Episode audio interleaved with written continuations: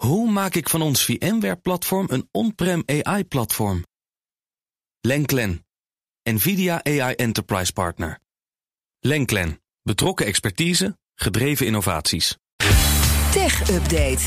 We gaan naar Conor Klerks. Conor, goedemorgen. Goedemorgen, Bas. TikTok krijgt een miljardenclaim aan de broek in het VK.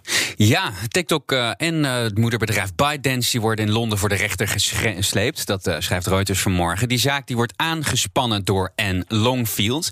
Dat is de voormalige Children's Commissioner. Dat is een soort kinderombudsvrouw.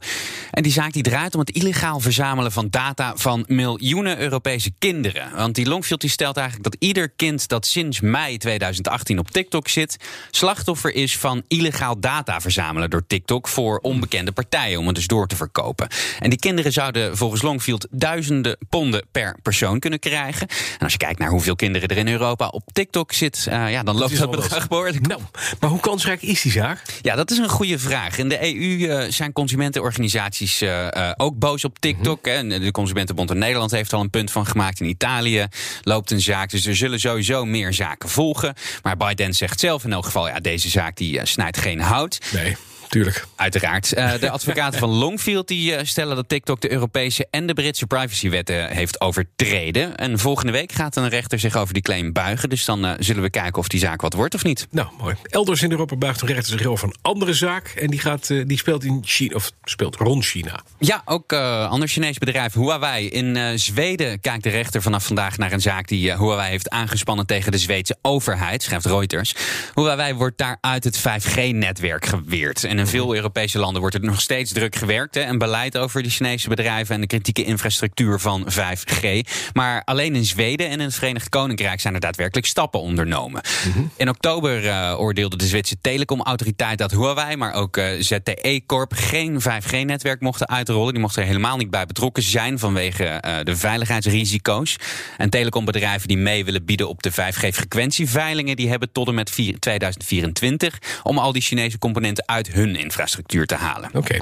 en dan was er gisteren weer eens een Apple-event met allerlei leuke gadgets. Jazeker, een paar uh, leuke nieuwe dingen. Uh, onder andere nieuwe iMacs uh, met Apple's eigen M1-chip. Dat zijn de eerste iMacs die dus zonder um, chips van andere bedrijven Precies. worden gemaakt. Ze zijn ook een stuk dunner en met felle kleurtjes. Verder krijgt de podcast-app op iOS een flinke update. En er komen ook betaalde abonnementen, waardoor je bijvoorbeeld zonder reclame kunt luisteren. Dus een nieuwe iPad Pro. En na jaren van uh, geruchten en lekken zijn er eindelijk de AirTags.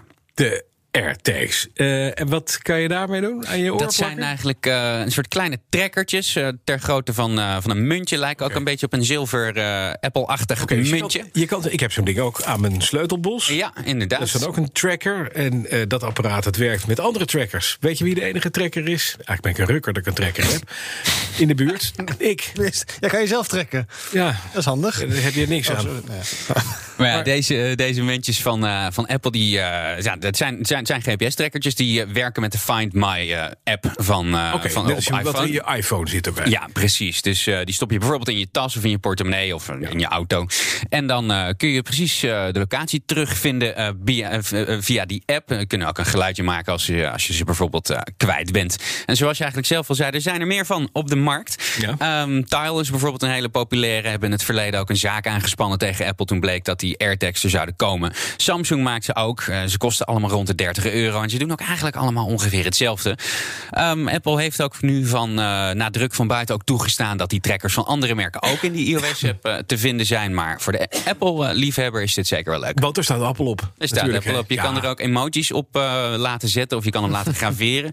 En The Verge heeft alvast belangrijk diepgravend journalistiek onderzoek gedaan welke emoji-combinaties niet toe zijn gestaan.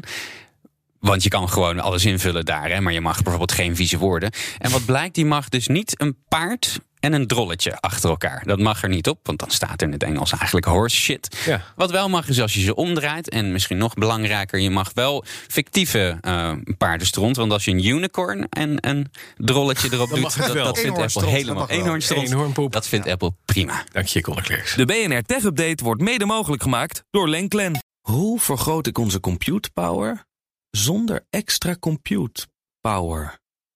Lenklen, Hitachi Virtual Storage Partner. Lenklen, betrokken expertise, gedreven innovaties.